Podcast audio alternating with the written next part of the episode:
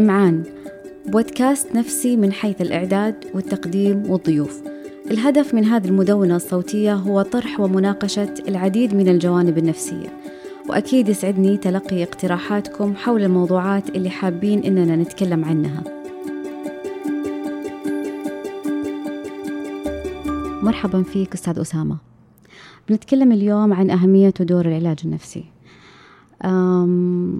العلاج النفسي أصبح الآن من الخدمات الصحية اللي بتقدم بشكل كبير وبتخدم شريحة كبيرة من المجتمع.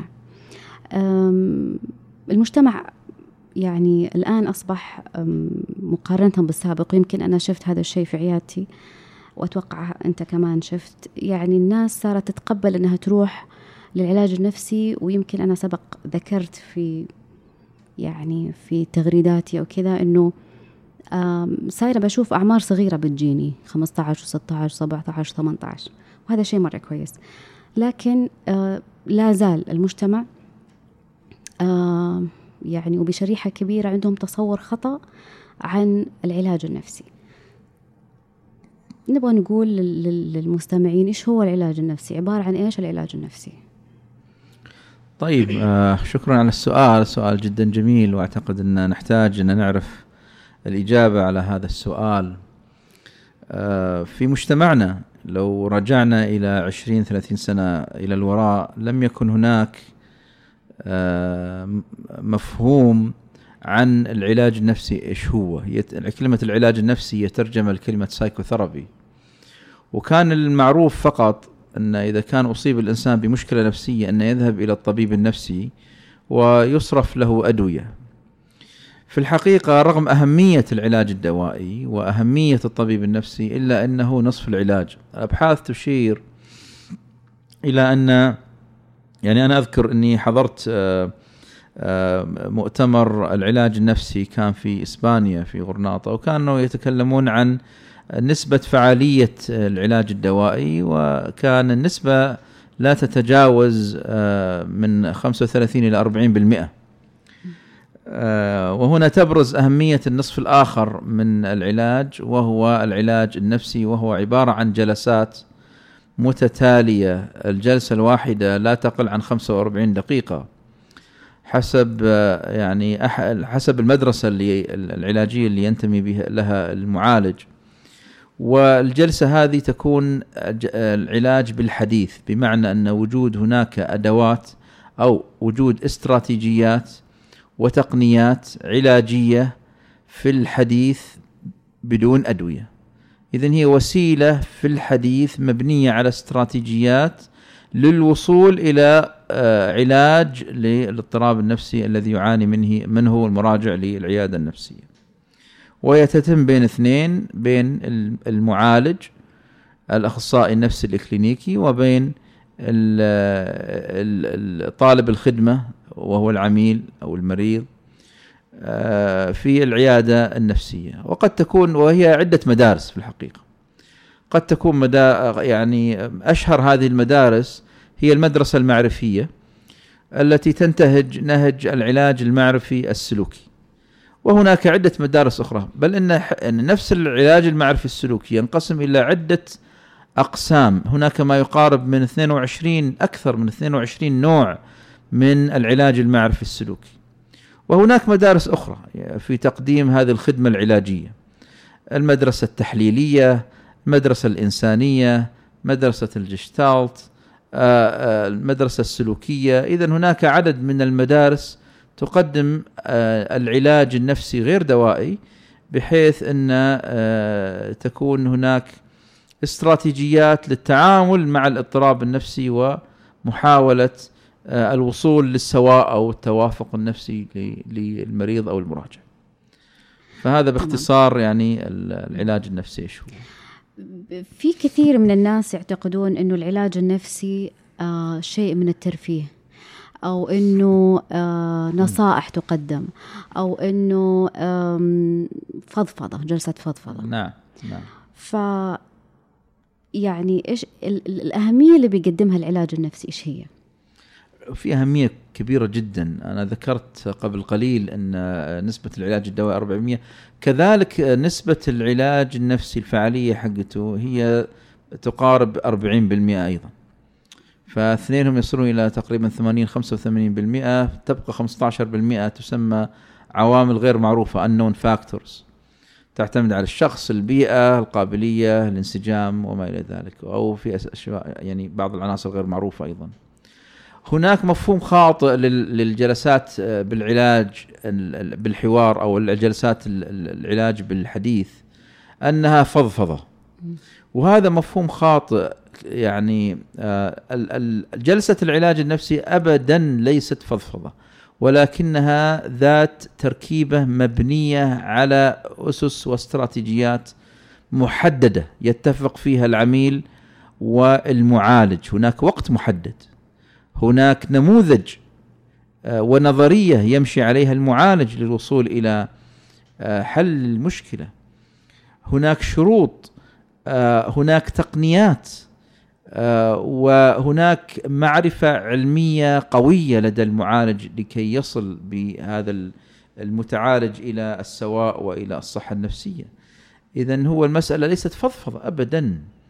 فمثلا هناك سلوك مثلا اكتشف العلماء أن هناك مجموعة من السلوكيات التي يفعلها الإنسان تؤدي فيه إلى مزيد من التدهور في حالته النفسيه.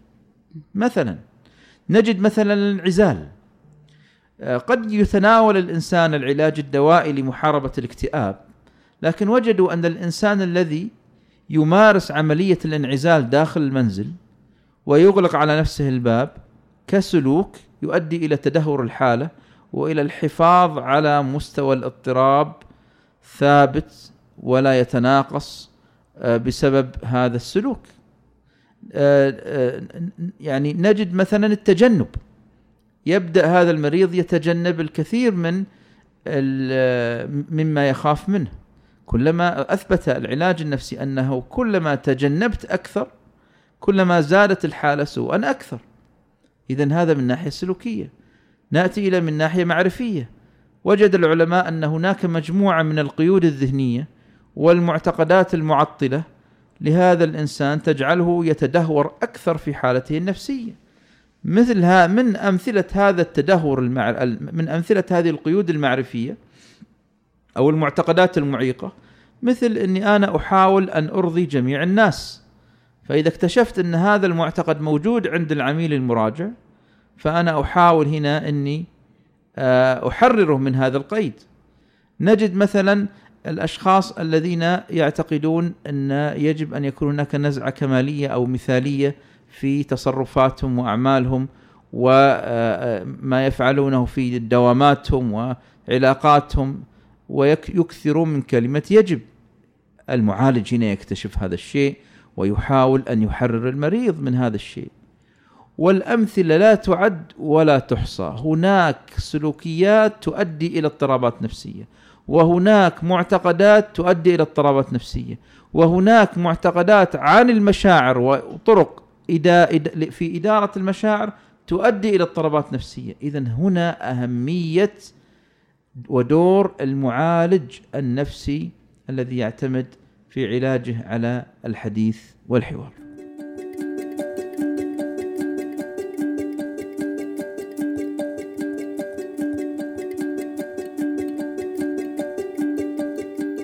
لو ما كان في علاج نفسي أستاذ أسامة كيف ممكن يكون حال المجتمع؟ راح يكون هناك مشكلة كبيرة جدا. أه، شوفي العلاج الطب النفسي أو أو العيادة النفسية ليست شخص واحد فقط. يعني من الخطأ أني أنا أفتح عيادة نفسية في مستشفى ثم أضع فيها شخص واحد مثلا طبيب نفسي آه، أو مثلا أخصائي نفسي ثم أقول أنا عندي عيادة نفسية. العلاج النفسي هو علاج تكاملي. هناك طبيب نفسي وهناك أخصائي نفسي وهناك أخصائي اجتماعي وهناك ممرض نفسي وهناك إداري. كل هؤلاء يتعاونون في مساعدة المريض أو مساعدة المراجع للعيادة. تخيل أن لا يوجد لدينا إلا فقط الطبيب النفسي.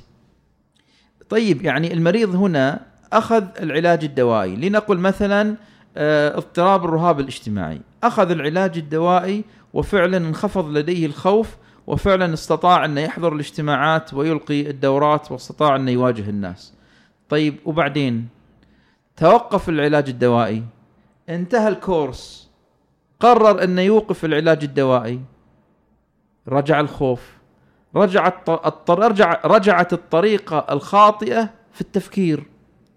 رجعت الاستراتيجيات الخاطئة في التفكير. مثلا الأشخاص الذين مثلا هناك أبحاث خاصه أبحاث الدكتور ديفيد كلارك يقول إن الأشخاص الذين لديهم رهاب اجتماعي ينتبهون إلى أعراضهم الجسدية أكثر ما ينتبه هو إلى ردود أفعال الآخرين. فكلما انتبه لأعراضه الجسدية كلما زادت حالته سوءا. أنا شكلي كيف؟ وجهي كيف؟ وجهي حمر؟ يدي كيف؟ وين وضعتها؟ مثل هذه المعلومات الدقيقة جدا لا لا يقولها الطبيب النفسي لهذا الإنسان. فإذا توقف هذا المريض عن تناول الدواء رجع لنفس الطريقة التي كان يفعلها سابقا والتي أدت إلى الاضطراب أن يزداد ويتفاقم ويستفحل. فهنا هنا المشكلة. فاذا العلاج الدوائي مهم جدا وأنا مع العلاج الدوائي لكنه غير كافي في علاج الاضطرابات النفسية. في بعض الناس بيقولوا إنه إحنا زمان ما كان عندنا لا طبيب نفسي ولا عندنا عيادات نفسية وكنا عايشين وما كانت عندنا أي مشاكل وما احتاجنا أصلا آه هذا كله ما احتاجنا لا طبيب نفسي ولا معالج نفسي هل هذا ممكن يكون مناسب الآن؟ والله هذا الكلام يعني أسمعه بين فترة وفترة، في الحقيقة هؤلاء لا ينظرون إلى المسألة ب... لا ينظرون إلى الصورة الكبيرة، كذلك سابقا لم يكن لدينا عيادة أسنان. وكان الناس ماشية ويعني أمورها طيبة ولكن ضروسها تطيح وتسوس لكن أمور ماشية. يعني سابقا لم يكن هناك عيادات مراكز صحية أولية وكان الناس ماشية وأمور. في السابق لم يكن هناك طب أسرة ومجتمع في السابق لم يكن هناك عيادة سكر في السابق لم يكن هناك مركز لغسيل الكلى. اذا هناك العديد من الخدمات الطبية لم تكن في السابق متوفرة وكانت الناس عايشة. لكن كانت المعاناة رهيبة. آه الناس لا تعرف أنها لا تعرف ولا تعرف أنها لا أنها تعاني.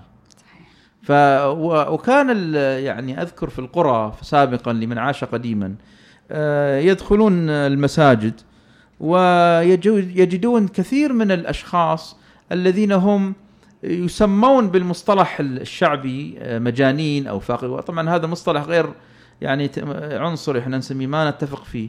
لكن انهم فاقدين لعقولهم. السبب انهم تعرضوا لتدهور نفسي وعقلي كبير جدا وتم إهمالهم ولم يوجد أحد يعني يعالجهم. وكانوا منتشرين في القرى و وفي في المساجد وفي الأماكن وما كان في أي اهتمام لهذه المسائل. نجد أشخاص ينقطعون عن العمل لا يعرفون لماذا انقطعوا عن العمل. نجد أشخاص انفصلوا في حياتهم الزوجية وتطلقوا وفجأة كذا بدون حتى شجارات فجأة كذا بدون أي سابق انذار ولا يدرون ليش هذا الشيء حدث. تجد أشخاص لا يخرج من منزله ودائما يبقى في المنزل ولا يعرفون ليش هو بهذه الطريقة. فهناك تصرفات لم تكن مفهومة. وإحنا نظن آه، بعدين نقول إن ما له داعي العيادة النفسية. بالعكس العلم تطور والعلم تقدم وأصبحنا ندرك أن العلاج النفسي مهم جدا ووجود العيادة النفسية في المجتمع أمر صحي وهناك وعي بدأ الآن بالتنامي في أهمية وجود العيادة النفسية في المجتمع.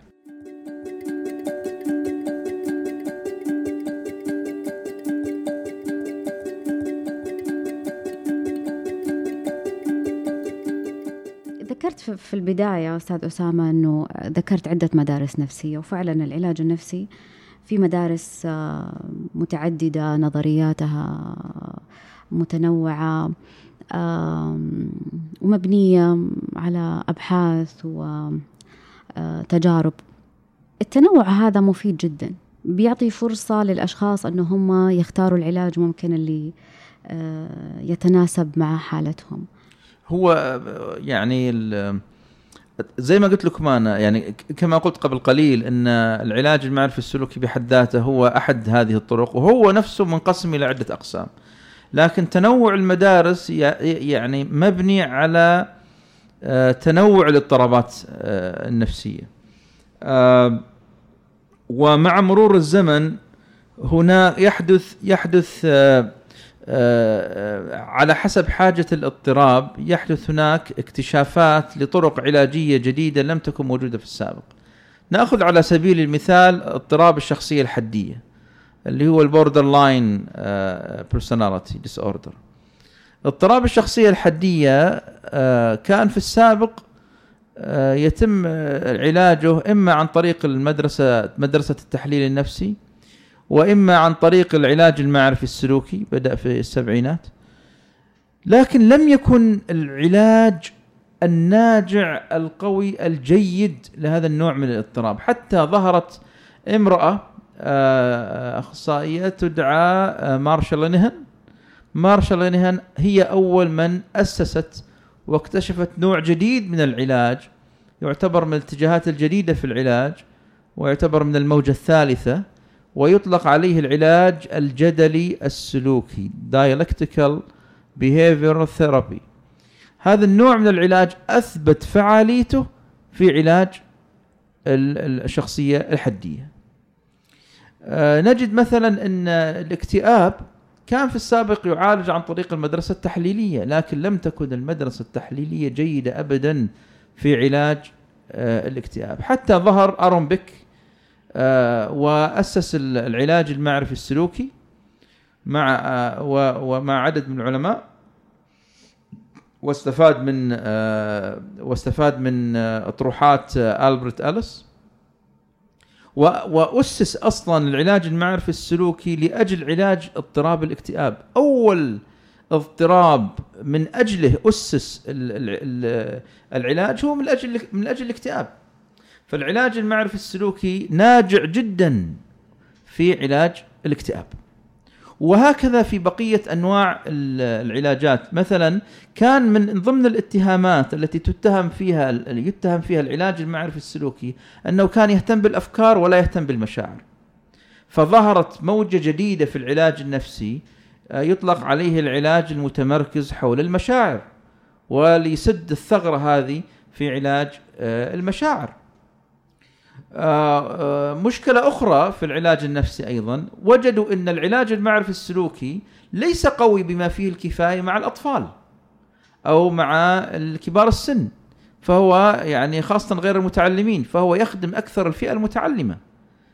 فهؤلاء يصلح لهم إيش؟ الفئة غير المتعلمة يصلح لهم العلاج السلوكي فقط من المدرسة السلوكية. إذا التنوع في هذه العلاجات مفيدة جدا بحسب الحالة التي نراها أمامنا. والعلاج أصلا النفسي ينقسم إلى عدة أنواع من التخصصات. فهناك العلاج الزواجي وهناك العلاج المراهقين وهناك علاج الجنسي وهناك العلاج آه، آه، في المصانع العلاج العلم نفس المنظمات وهناك أنواع عديدة من هذه العلاجات وكل نوع من هذه الأنواع آه، يصلح آه، لفئه معينة من الناس. فالمتخصص مثلا في علاج الاكتئاب لا يعالج الإدمان والمتخصص في علاج الأطفال لا يعالج البالغين. والمتخصص بل هناك تخصص التخصص تجد أخصائي نفسي متخصص فقط في الوسواس القهري وأخصائي آخر متخصص فقط في الاكتئاب وآخر في الرهاب الاجتماعي. فهنا يعني تخصص التخصص. وهذا من من الثراء العلمي والمعرفي والذي أتمنى حقيقة أن نصل إليه في مجتمعنا يوم من الأيام. أستاذ أسامة في في كثير من الأشخاص يجينا العيادة النفسية وهو بيعاني من 15 سنين. وفي بعض الأشخاص من أمر بسيط جدا أو قد يكون طبيعي وعادي إنه يمر علي إنسان يقول أنا أحتاج أحس إني أنا أحتاج أروح أتعالج علاج نفسي. متى الشخص متى الفرد يحتاج العلاج النفسي سؤال جيد. آه طبعا أغلب الأشخاص الذين يعني يذهبون إلى العيادة النفسية للعلاج النفسي قليل منهم عنده الإدراك أن لديه مشكلة نفسية. أول ما يذهب يذهب إلى إلى المستشفيات. فلديه نوم طويل لديه آلام جسدية لديه قولون عصبي لديه آلام بالرأس لديه خفقان في القلب فتجرى له فحوصات. ثم نكتشف في النهاية الطبيب يقول له والله ما فيك شيء. وهنا يعني المريض ينجن. كيف ما فيني شيء؟ كل هذه الآلام بغيت أموت. خاصة الأشخاص اللي عندهم نوبات هلع يقول لك بغيت أموت أنا شفت الموت قدامي ومن هذا الكلام. فيذهب المستشفى الأول المستشفى الثاني المستشفى الثالث حتى يعني يكون في طبيب فاهم وشاطر ويقول لا لا أنت تحتاج أنك تذهب إلى العيادة النفسية. طبعا هناك يعني زي ما ذكرت قبل قليل إن يجلسون سنوات طويلة إلى أن يذهبون العيادة النفسية. السبب في هذا إن بعضهم يكون عنده جهل ما يدري إن عنده مشكلة في في إن مشكلة نفسية يظنها مشكلة عضوية. بعض الناس يكابر فيقول أنا ما فيني شيء آه فما فيني إلا العافية في فيكابر. آه بعض الأشخاص يخاف من وصمة العار فيقول لك ما راح أروح أنا أدري إن عندي مشكلة نفسية بس ما راح أروح العيادة النفسية. فكيف يجي؟ يا أما من تحويل يا أما الذي يجلبه الألم. يعني لما يصل إلى إلى القاع هنا يأتي. وهنا للأسف مشكلة. يعني مثلا وجدوا في في يعني الدكتور كيث دوبسون في آه، مؤتمر سلوفينيا حضرته آه، في دولة سلوفينيا عام 2017 كان يتكلم إن الوسواس القهري مثلا يجلس الإنسان حتى حتى يصل إلى يأتي إلى الوسواس يأتي إلى العيادة النفسية سبع سنوات. سبع سنوات وهو يعاني حتى يصل إلى إلى العيادة النفسية. فانا يعني ندائي للجميع ولمن يستمع إلى هذه المادة. أن إذا وجدت أن حياتك اليومية تعطلت وأنشطتك الاعتيادية توقفت وأن وضعك وأنك لم تعد يعني مزاجك كما كان في السابق لأسابيع اتجه فورا إلى العلاج النفسي وإلى العيادة النفسية. آه، والمسألة مرهونة بحياتك اليومية. كانت حلقة ثرية عن العلاج النفسي غير الدوائي. أشكرك أستاذ أسامة.